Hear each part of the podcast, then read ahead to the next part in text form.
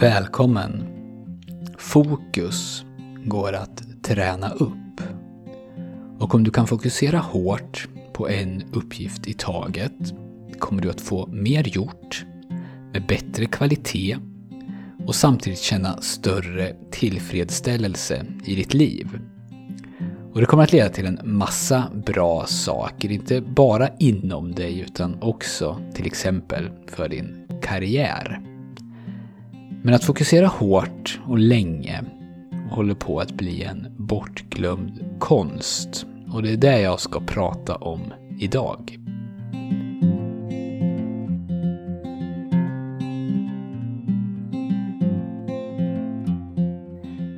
Du lyssnar på Monkey Mindset, en podcast av mig, Daniel Sjöstedt och jag är mental tränare. Och varje vecka försöker jag att presentera någonting som kan göra ditt liv lite bättre eller lite enklare.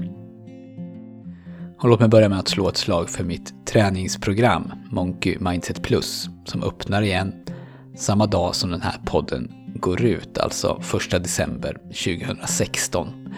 Gå gärna in på min hemsida monkeymindset.se och kolla in den om du är intresserad.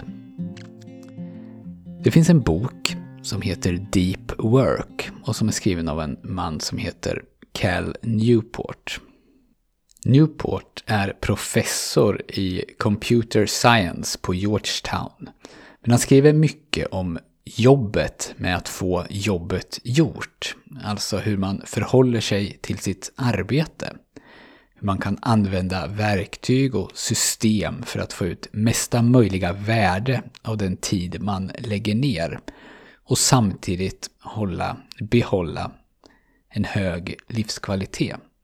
En högre livskvalitet till och med än vad de flesta av oss upplever med ett mer modernt sätt att jobba. Och jag ska strax förklara vad jag menar med ordet modernt i det här sammanhanget. Tesen som Cal Newport driver i sin bok och det jag tänkte försöka sammanfatta för dig, det är ungefär följande.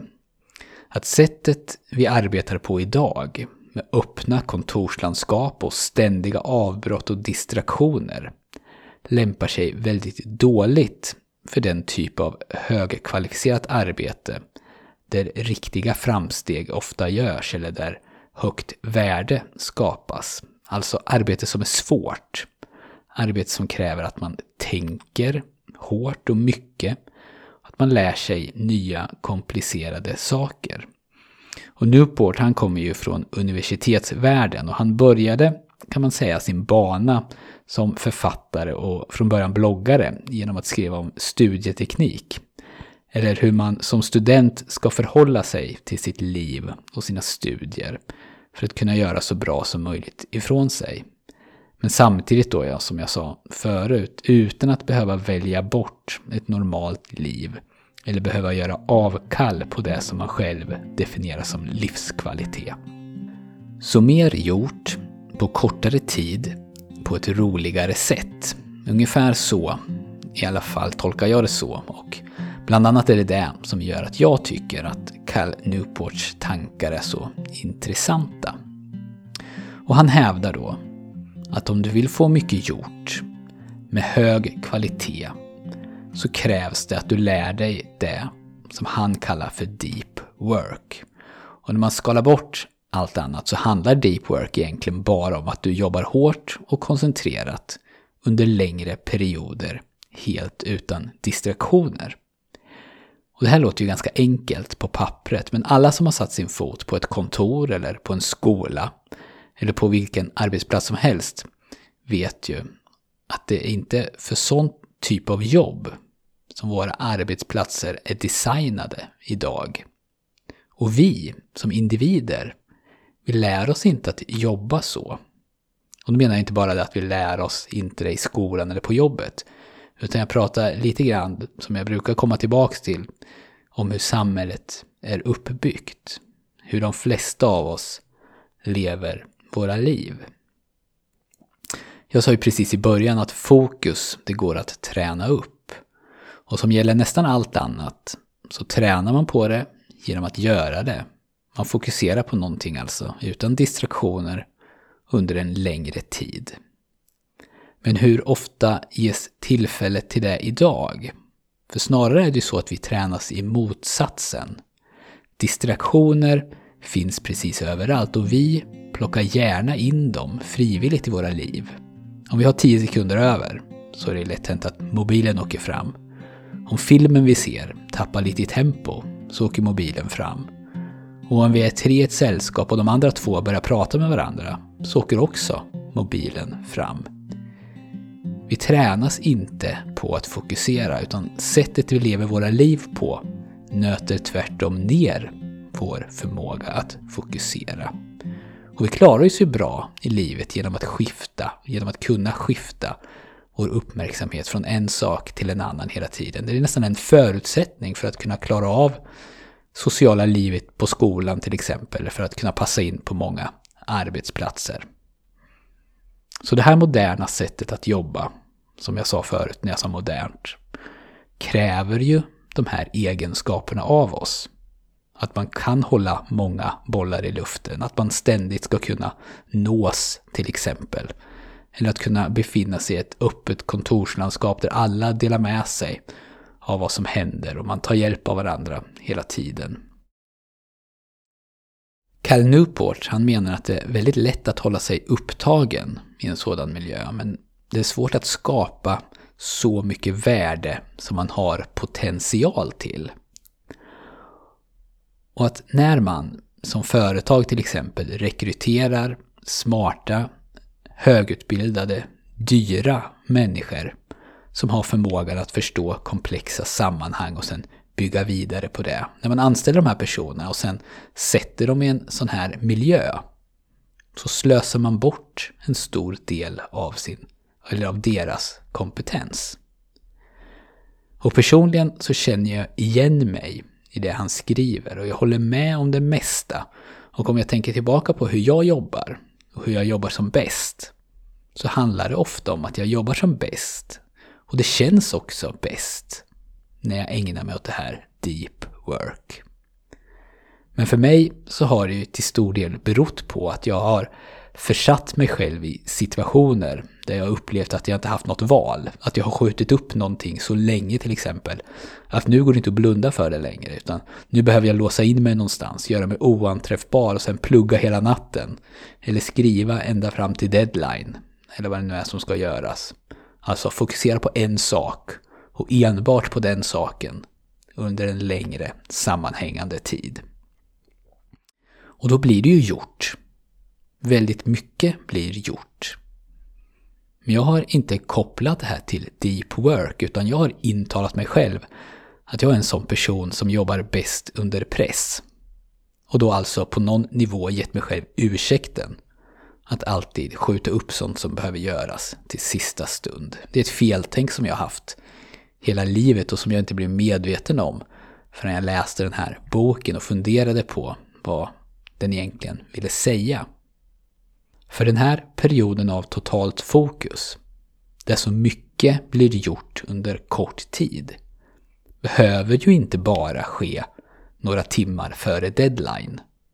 För hur skulle det vara om man medvetet förändrade sitt sätt att jobba och förändrade sin arbetsmiljö så att man kunde få in fler timmar av den här typen av arbete varje vecka eller kanske till och med varje dag. Hur mycket mer skulle inte bli gjort då? Och hur mycket mer tillfredsställande skulle det inte kunna vara att lägga mer tid på det som är verkligt viktigt och mindre tid på det som på lite sikt bidrar väldigt lite till att föra en framåt. Och jag tänkte avsluta det här avsnittet med att ge en ganska så översiktlig, men ändock, beskrivning på hur du kan komma igång med deep work.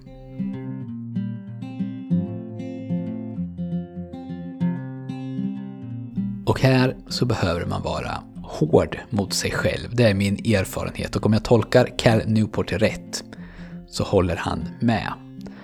Och räknar det då bara som deep work om du kan arbeta på en uppgift under en viss tidsperiod helt oavbruten. Tidsperioden bestämmer du själv och i den så kan det ingå raster, men under den här tiden, inklusive rasterna, så ska du hålla dig borta från alla distraktioner. Ställ din mobil på flygplansläge och koppla ur internet om det är möjligt. Och kolla inte mejlen, inte ens lite och inga sociala medier. Och om du blir distraherad, alltså avbruten av någon eller något, eller om du inte kan låta bli att distrahera dig själv, menar jag framförallt då att man inte kan hålla sig borta från mobilen, det är nog vanligast, eller Facebook eller aftonbladet.se till exempel. Då räknas det här arbetspasset inte som ett deep work-pass. Och som alltid då så är mitt råd att börja smått för att steg för steg utöka. Och en bra metod för att börja smått det är att använda Pomodoro-tekniken.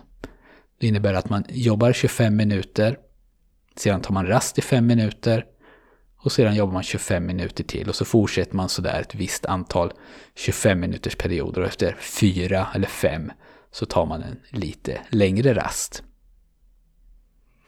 Börja med en period, 25 minuter.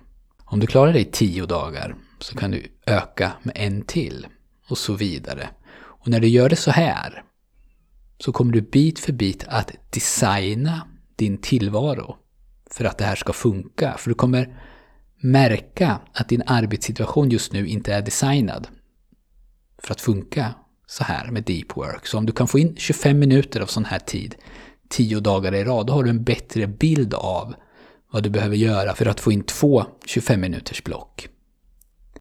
Och rasterna du tar, de här korta rasterna mellan blocken, de är inte till för att distrahera dig. Så kolla inte mail eller någonting sånt under de rasterna, utan kliv bara bort från det du gör. Avbryt mitt i en mening om det är så. Och vila fem minuter. Man kan gå lite, man kan stirra ut genom fönstret eller ta lite frisk luft eller dricka ett glas vatten. Men byt inte fokus. För om du skiftar fokus, om du börjar kolla mejlen till exempel, då måste du ta dig tillbaka. Och det kostar i längden väldigt mycket tid. Men om du bara avbryter, reser dig upp och gör ingenting, så kommer det vara mycket lättare att komma tillbaka precis där du var när du avbröt. Så om du till exempel bestämmer dig för att köra deep focus, eller deep work, under tre pomodoro-pass då. 25 minuters jobb, 5 minuters rast, 25 minuters jobb, 5 minuters rast och så 25 minuters jobb. Då ska du inte låta några distraktioner komma in under hela den här perioden.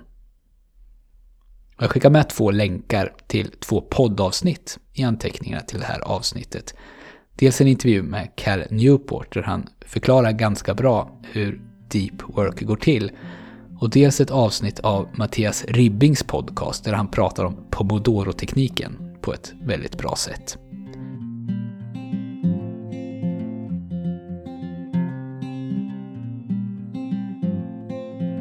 Och det var allt för den här gången. Du får gärna lämna en recension på iTunes och kolla gärna in min hemsida. Tack så mycket för att du har lyssnat och vi hörs snart igen.